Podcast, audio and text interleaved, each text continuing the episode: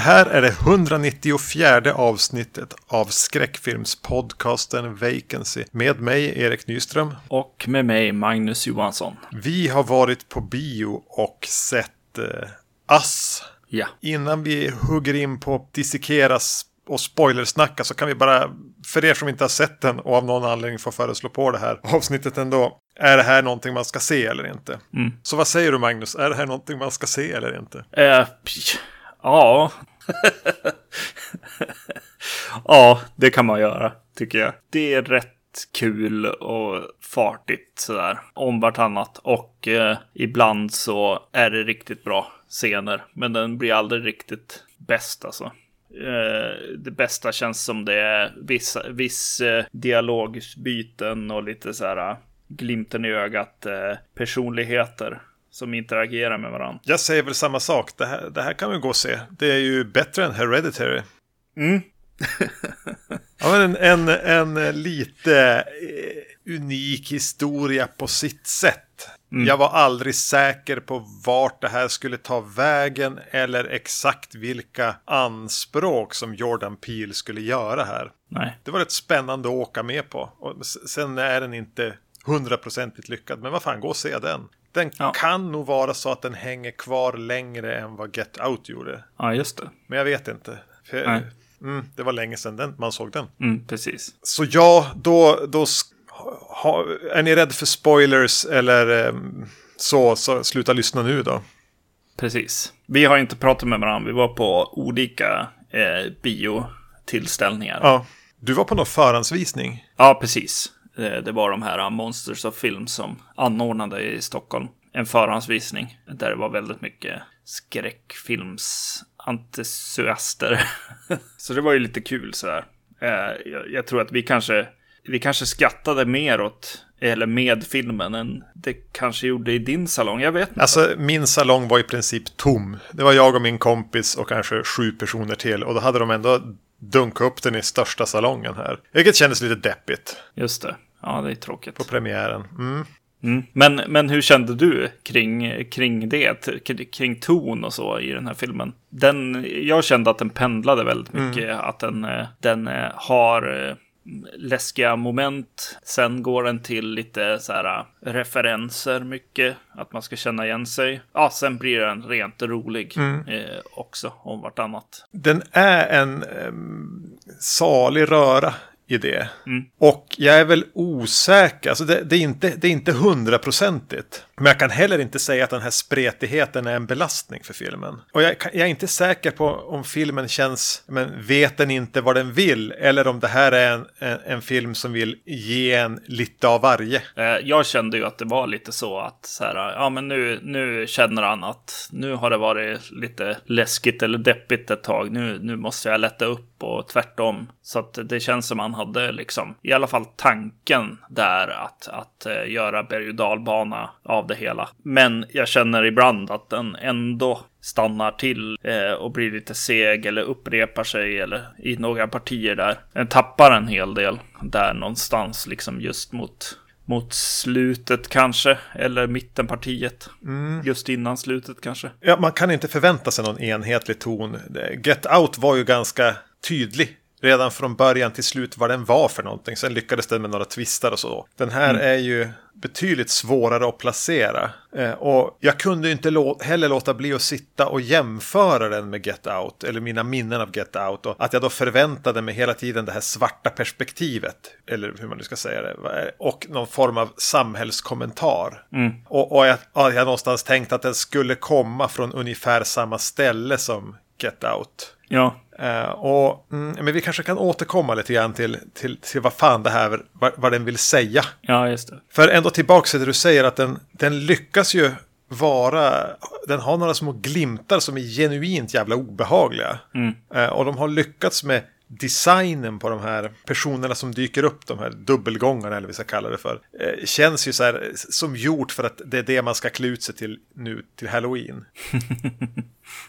Ja. Så här vinröda jumpsuits och bruna skinnhandskar utan fingrar och en sax. Precis, och helst hitta någon eh, som är lik en själv också som kan, kan komplettera Ja, just det. utstyrseln. Ja, det är det perfekta för tvillingar i alla fall. Verkligen. Men, men, men den, när den ska vara rolig ibland, alltså den här pappan i familjen som får vara Mm. Homer Simpson eller Bill Cosby eller vad du vill, alltså någon slags mix mellan de två kanske. Och Mm. lite grann pappan i eh, Modern Family. En ma- blandning mellan de tre. Eh, han, han, han är ju bra på det han gör i att vara comic relief och vara den Mm. pinsamma pappan. Ja, Och jag tror att är man bara lite på fel humör så kan han sticka ut och bli vansinnigt irriterande. ja just det. Ja, hur var det för dig då? Nej, jag var nog på, på rätt bra humör. Jag trivdes med han. Eh, Det gjorde jag också. Nästan så att han blev behållningen. Ja, För att eh, det blev så knasigt liksom. Och så sen att han ändå är så skicklig på att skriva liksom. Eller veta vad vi tänker i publiken. För det var någon som viskade till mig när han kom till någon eh, andra eller tredje båtsekvensen. ja. Det, han, går, han går tillbaks till sitt vanliga liksom eh, go-to-grej. Ta sig till båten för att döda de här eh, monstren liksom, eller vad man ska kalla dem. Och, eh, och då när han har gjort det den där eh, andra gången eller tredje så, så säger han Nej, nu är jag klar med båtar alltså. Ganska roligt. Jag tycker också att de inte överanvänder honom som, som rolig. Alltså det blir inte tramsigt. Nej, nej, det bästa, alltså det är ändå när han sitter i en bil med familjen och de försöker fly från någon. Och så kollar de liksom, vad heter det, luckan, Ja, takluckan. takluckan ja. Och så är, ju, är hon ju där. Och så pekar han och bara, där är hon. det, det var så dumt att det blev roligt. Jag kände också att Jordan Peele har verkligen skrivit den här filmen. Den är djävulskt skriven, nästan överskriven. Ja. Vilket gör att den blir, den blir lite, vad ska man säga? Ö överarbetad. Eh, Att den, den kanske inte känns så naturlig hela tiden. Nej, precis. För det är mycket, vi brukar prata om det här med att så och skörda. Något som görs in absurdum här egentligen. Och allting som någon säger ska som få en liten payoff senare. Eller eh, små detaljer med ja, men den här lilla leksaksambulansen i, som han ställer upp en dörr som går i lås om den, om, om den stängs. Planteras noga, skördas en stund senare utan att det spelar så stor roll. Ja, Den är full av sådana detaljer. Mm. Ja, men det känns lite lyxigt när, när, det, när det verkligen sitter. Ja. Men, men samtidigt märker man att det används så otroligt mycket hur, hur han bara korsrefererar inom filmen. Att man blir lite trött också. För det finns, jag, jag ser inte alltid syftet med Mm. det. Eh, när, du, när du pratar om det här så tänker jag på alltså, komiker och stand-up och sånt. Att det är väldigt, väldigt, eh, eller poppis, eller det blir bra när stand-up komiker gör den grejen också. Ja, just det. Jag refererar tillbaks till ett skämt som de drog i början. Eller... Exakt. Eh, och det är ju samma typ av writing, I guess, eh, som pågår här också. Ja. Ja, för det finns ingen riktig poäng med det annat än att vara finurlig. Mm, precis. För den här filmen är även full, jag tänkte, och det finns ju tvillingtema här, det är Mm. Och även det används ju, jag tänker att ser man den mer än en gång så kommer man att upptäcka flera sådana som kommer tillbaka. Det var bara exemplet jag, jag har i huvudet nu. Var att, men i början i tillbakablicken till 80-talet så är det en eh, sån här, nej men alltså på, på nöjesfältet där de går runt. Som, Ja. Någon som står i ett, en av båsen där, om det är whack-a-mole-båset eller någonting. Han har på sig en Black Flag t-shirt. Just det, precis. Och sen på stranden eh, eh, när vi har hoppat fram i filmen så de här två tvillingarna. Då har en av dem på sig typ ett, ett, så här eh, H&M Black Flag linne.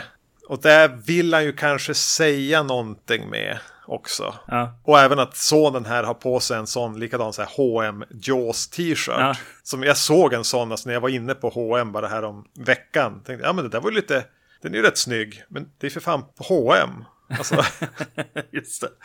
Alltså det är, inte, det är inte tanken att man som filmnörd ska köpa det, utan det ska vem som helst kunna köpa. Alicia, 11 år, ska kunna ha på sig den. Ja, precis. Just det. Eh, så den vill ju på något sätt göra någonting med att den killen på nöjesfältet som hade på sig Black Flag t-shirten, han var nog en, en som gillade dem. Men alltså Ja. nu så är allting urtvättat och kopierat och klonat till eh, meningslöshet. Så någon, något sånt eh, vill han ju säga och, och det återkommer. Det finns som sagt var säkert flera exempel på det. Ja, jag tänkte mest på det som någonting som, som just åter, när du sa återkommer, eh, att det hade något med, med generationer och sånt att göra. Men jag tyckte du nailade det där, så det är bra. Och äh, men Jaws på t-shirten och sen refereras det till Jaws på stranden där någon sitter och tappar bort någon. Mm. Och det ska göras de här små, små vinkningarna till kända filmer. Mm.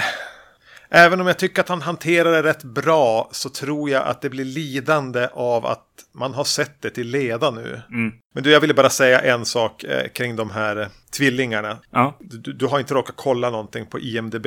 nej. Nej. Vem de är mest, vad, vad de, de är mest kända från. Jaha, nej, det vet jag inte. Tvillingdöttrar som är så sena tonåren. Mm. Deras så stora claim to fame är att de spelar Emma i Vänner. Jaha. Så alltså Ross och Rachels bebis. Ja, just det. det är sjukt. Det är sjukt hur gammal man har blivit. Ja, just det.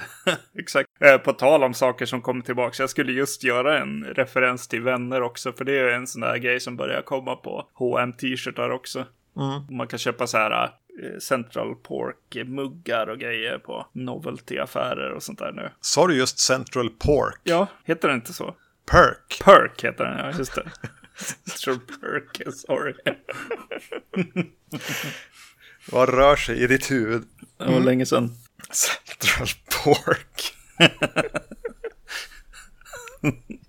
ja, Ja.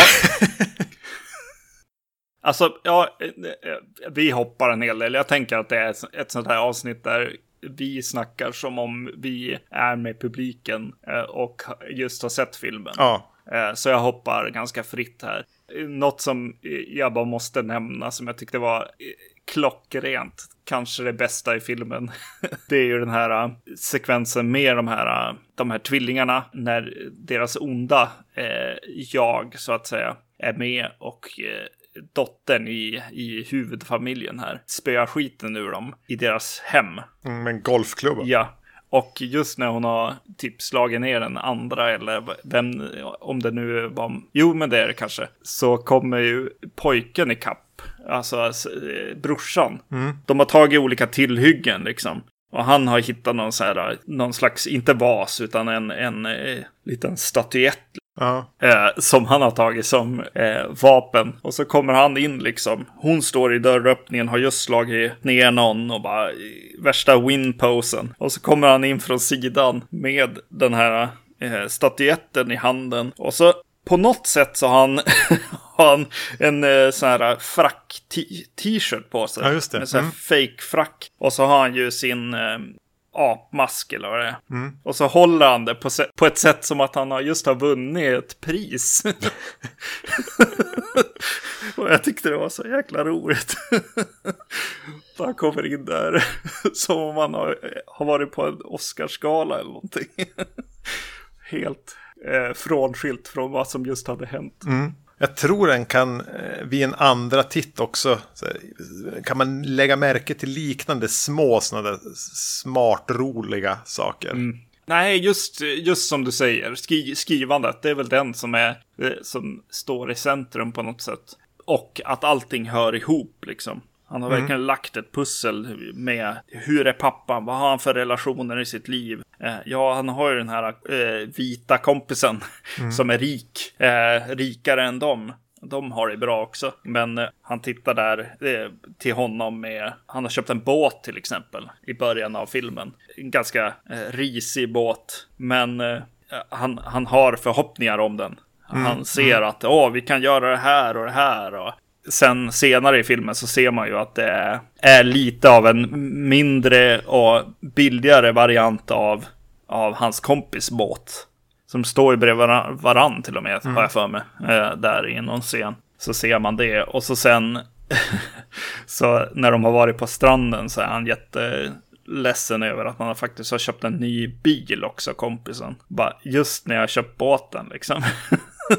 så går han och köper en jävla ny bil bara för att reta mig. Och det finns ingenting som egentligen tyder på att de här två familjerna tycker om varann. Nej, precis. Eh, Det är väl egentligen den där avundsjukan eller en strävan efter att bli som dem som verkar vara att de ens är med varann. Alltså, Ömsesidigt trumfande. Ja, precis. Ja, de är fan inte sympatiska. Nej, De, vi, de vita kompisarna. nej. Man tänkte nästan det när de blir ganska snabbt slaktade av de här dub sina dubbelgångare som dyker upp. Att det blev ju inte sämre. Nej. Spelar roll. Han var ju rolig som dubbelgångare också, den där pappan. Ja. Typ. Tänkte du på att den börjar i princip exakt likadant som Climax som vi pratade om i förra avsnittet? Exakt, jag skulle just nämna det när du, när du pratade om hajen. Ja. Att eh, den, den sätter upp sina, sina referenser på, på liksom en hylla. Ja, där någon sitter och tittar på någonting på en tjock-tv. Ja, precis. Parentes, men det, just eftersom man ser de två filmerna så nära in på varandra blir det svårt att inte reagera på. Hur medvetna är de om varandra? Det här är en slump va? Det är nog en slump. Ja. Men just att, att den, det är väl Jaws och vad heter den? Chad eller vad den heter. Ja. Som står där. Sen några böcker på andra sidan. Ja, Men jag hann inte se vad det var. nej. Jag tycker att hon är bra, Lupita Nyong'o. Ja, ja. Om jag skulle säga någonting är behållningen så är det väl hon. Och hon var den enda där jag var säker på att hon faktiskt spelade två roller. Ja, just det. Eh, ja, vitingarna. Men i, i familjen, där, där ser man ju att det är hon. Och hon är bra som båda. Just det. Eh, med, medans att, att dottern var samma skådis, det, det, det var inte riktigt, förstod jag inte. Okej. Just Alltså de är inte så lika. De är ju lika men de är så pass olika att ja, jag är lätt lurad. Mm. Eh, nej men hon är skitbra. Eh, verkligen. Verkligen bra. Ja, Och det är ganska viktigt att hon är bra. För hon är ju på något sätt den navet, alltså det känslomässiga kärnan i filmen. Som hon har varit med om spelar roll och vad vad hon går igenom genom filmen spelar roll. Och hon verkar ju även ha en central roll i det som händer. mm. absolut. Jag tycker att det är... Av någon anledning så fastnar liksom de komiska, alltså det som jag tyckte var roligt i filmen fastnar mer för mig än, än det andra. För, för mig så var det liksom, de konfronteras ju i sitt hem där och eh, hamnar i en situation där, där barnen, mannen och eh, hon liksom hamnar, separeras eh, till olika ställen för att eh, de här som kommer och anfaller dem. Ja, men gör, gör det. Helt enkelt. De separerar alla och, och en del får springa iväg och poj pojkarna här, eh, alltså sonen och, och hans dubbelgångare, går i princip och leker. Då, då när det händer någonting där med dem så han stänger in den här eh, skuggvarianten av sig i ett eh, rum. Och så börjar den skrika en massa. Då säger hon ju, eh, vad heter det, mamman i familjen. Det, det är din, det är din unge som skriker. Gå och ta Och hand det var, så det var så fantastiskt bra. För det är precis så där. Det är att vara förälder med andra föräldrar liksom. Att så här, man, man sitter och snackar i vardagsrummet och så helt plötsligt hör man eh, något barn skrika och så bara, ja det är, di- det är ditt barn. Vem är det som ropar? Så oavsett situationen man är i så stannar man upp och lyssnar vems det är. Precis. Förstod du varför de här barnen ska leka med varann medan de andra verkar det mest handla om att döda den andra så snabbt, snabbt som möjligt? Nej, nej, alltså det enda, alltså så här, Är det, vad har han tänkt? Nej, det vet jag inte. eller är det för att det är en speciell koppling då mellan de två, två versionerna av eh, Nyong'o? Ja, just det. Nej, jag- Nej, jag har ingen aning. Nej. För, då, för då, men de har ju dock eh, saker gemensamt. Det har de ju. Men det har ju alla av dem i och för sig. Jag tänkte på det här med elden och det. nej, men de är ju, alla ska ju vara den andras på något sätt skugga. Det är ju en kopia. Ja, just det. Ska vi försöka komma in på det? Vad va, va, fan är det? Vad va, vad är det Jordan Peele vill säga här? Ja. För jag blev aldrig klok på det. Nej, exakt. Och är det så då? Alltså, det börjar jag tänka. Jag, jag tänker, eller, eller ser vi på eh, The Conjuring? Men det är så, så otroligt tillkrånglad The Conjuring. Eh, Och det finns ju som potentialer här med att ja, men all, de, någon kom på ett sätt att kopiera människor. Men de lyckades som inte kopiera själen och under USA så har deras skuggor levt. Ja. På grund av en kontakt mellan två av dem, för, som var speciella, så blir en den som kan leda de andra till en slags revolution. Mm. Men det de egentligen bara vill är att göra så här, stå och hålla hand kust till kust. ja, precis. Det är deras mål. Ja. Upp på jorden, göra sig av med sin, dub, sin dubbelgångare då. Och så ställa sig hand i hand och nå från kust till kust. Utifrån att det var någonting som de såg på tv som barn. Att det var någonting som var någon grej på 80-talet. ja, precis. Mm. Eh, vad är, alltså skuggsamhälle eller människor som lever, vissa människor lever på, på andras bekostnad eller, Mm. eh, och vad, revolutionen är meningslös för den, nej, nej, Nu när du börjar prata om den lite grann så är det bara en jättespegling av det här ja, hålla hand-grejen på 80-talet. Grejen att, alltså verkligen det som sägs på tv där. Hej, här, det, vi är ett svältande land i princip.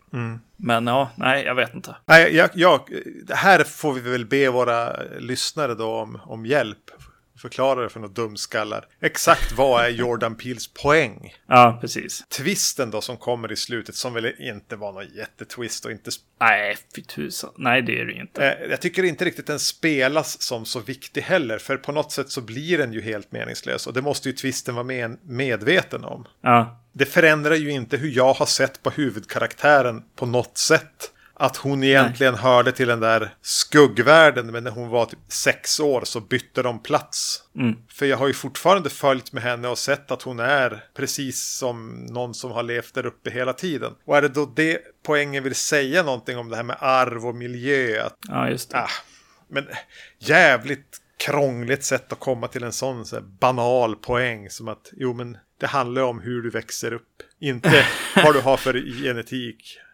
Nej, exakt alltså. Ja, det är alltså. Ja, det är väl det som man pratar om egentligen. Men ja, Ja, det kan vara en liten del i det. Men mm, som sagt var, ko- Ja. kommentarsfältet på Facebook, fyll på med, och hjälp oss här för guds skull. Smartare människor än oss. vi stod ännu mer tafatta efter det här. eh, Jag och gänget jag var på bio med. Och bara, ja, ja. Och så försöker man ju hitta saker från att man har sett eh, Get Out. Ja, Som kanske bråkar med den här filmen lite väl mycket. Det är en liten tyngd på den här filmen på något sätt. Get Out är ju mer en sketch. Ja, Och, och jag var också där att jag som förväntade mig på något sätt för mycket en vidareutveckling av det konceptet kanske från början. Medan den här har en annan, någonstans kanske ett annan, en, en annan tyngd. Ehm, Men, ja vad fan, så det blir lite också det där att, att eh, om man nu ska tänka att han pratar om någonting, att det, det på något sätt ska symbolisera någonting så så fort man försöker sätta ord på det och inte är en poet själv så blir det så jävla banalt. Ja, men det där representerar ju det och den där handlingen symboliserar ju slavhandel. Eller vad, alltså det blir bara fånigt så fort man sätter ord på det. Tanken är väl som att man ska förnimma det. Få en känsla av vad det handlar om. Men jag, ja, Mm. jag fick för lite fatt i någonting här. Just det. Det kanske är ett varv till liksom. För, för det var en till aspekt också som kom upp lite grann. Så där. Det var ju att de pratade om Gud en del också. I, i det hela. Att, att det var som någon såg Gud och fick en, liksom en uppenbarelse om hur, hur de skulle göra och sådär. Ja. Och, och hittade typ till, till dansen via någon slags gud. Jag tänkte hela tiden att det var Michael Jackson de refererade till. För det var det, det hon hade med sig, liksom, tänkte jag. Ja, Att, att idén kom från, från en t-shirt som hon hade under den andra, liksom. Och på den, på den andra var ju Michael Jackson. Ja. Ja, jag vet inte. Och så just att hon började dansa också. Mm, alltså, eh, eh, jo, otroligt obehaglig sekund i filmen är ju när de här två små flickorna som är kloner, eller kopiorna, ser varandra första gången. Och en står Ja. i skuggan och man ser att hon börjar le. Mm. Och de har på något sätt, antar jag, tweakat det där med CGI. Yes, absolut. Precis så lite som man ska göra det och så kort stund som det är. De kan till och med återanvända det sen och det är fan lika läskigt då. Ja, det, det är ju bra alltså. Den är ju bra också, alltså scenen när de har den här familjen ute på drivewayen, vad heter det? I infarten. Det är ju snyggt gjort alltså. på något sätt ändå, den sekvensen. Eh, vilket ju bara, bara är Det är ju i och för sig, det är, det är lite hans eh, grej på något sätt. Jordan Peels eh, syn på skräck är ju att någon gör någonting som inte är det normala på något sätt. Har en uppsyn som är väldigt underlig. Eller spänner ansiktet på ett jättekonstigt, märkligt sätt. Mm. Liksom. Eller då står i bakljus eh, på ett obehagligt vis. Och sen hur de här sen springer iväg på alla fyra. Jo, när de får en signal. Ja, det är coolt alltså. Kaninerna förstod jag inte heller riktigt vad de hade med saken att göra. Ja, ja precis. Försök, mm. försökskaniner. Ja, jo, jag var... Ja, det är ju det enda. Enda så här, men det är ju en väldigt tydlig referens, I guess, för det var väl de.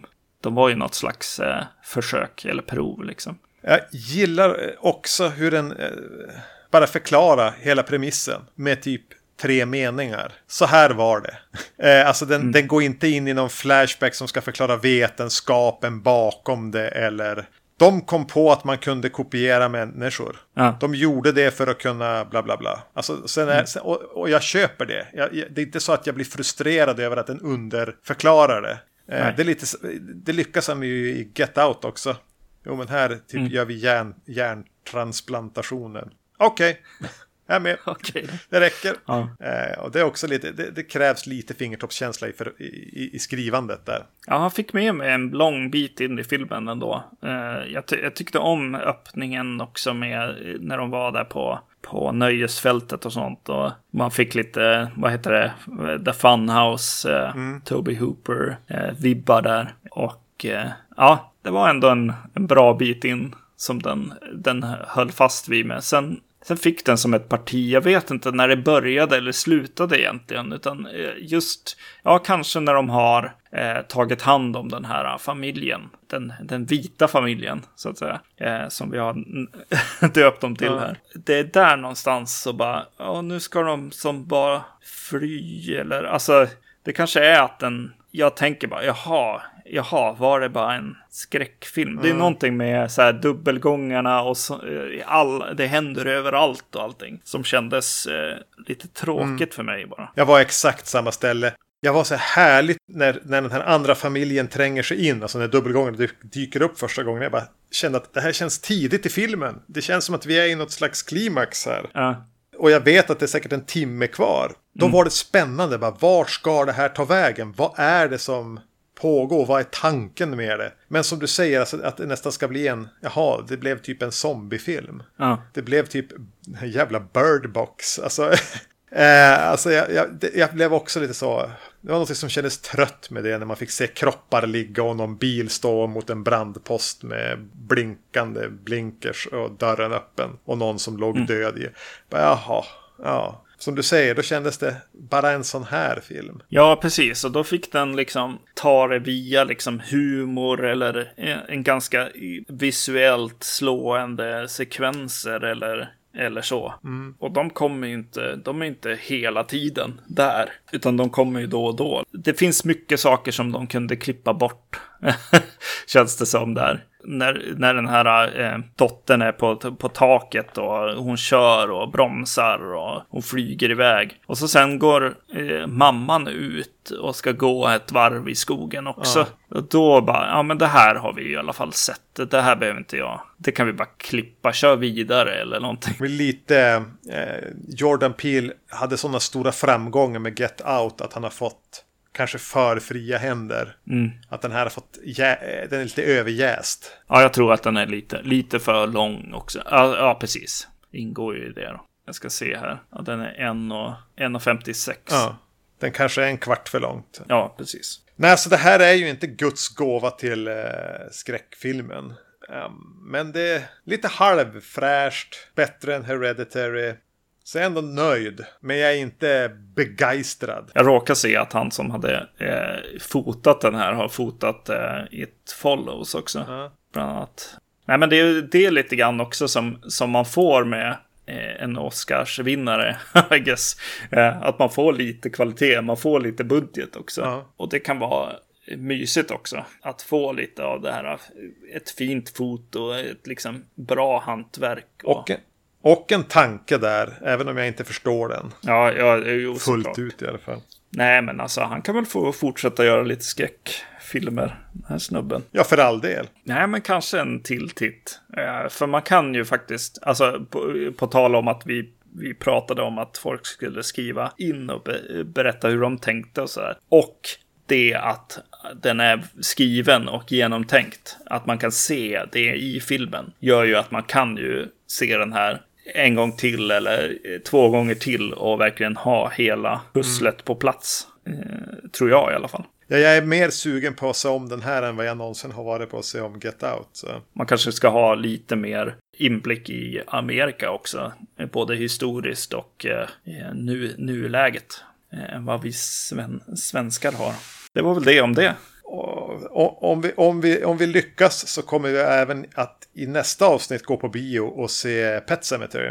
Men som vi, jag nu har sagt det säkert tre gånger, eh, kommentera gärna det här avsnittet. Om ni gör det via mail på podcast.vacancy.se eller på Facebook där vi också finns. Det, det, är upp till er, men det skulle vara jättekul att höra vad ni andra har för tankar om eh, den här filmen. Ja, ha det bra. Ja, precis. Hej! Hej, hej.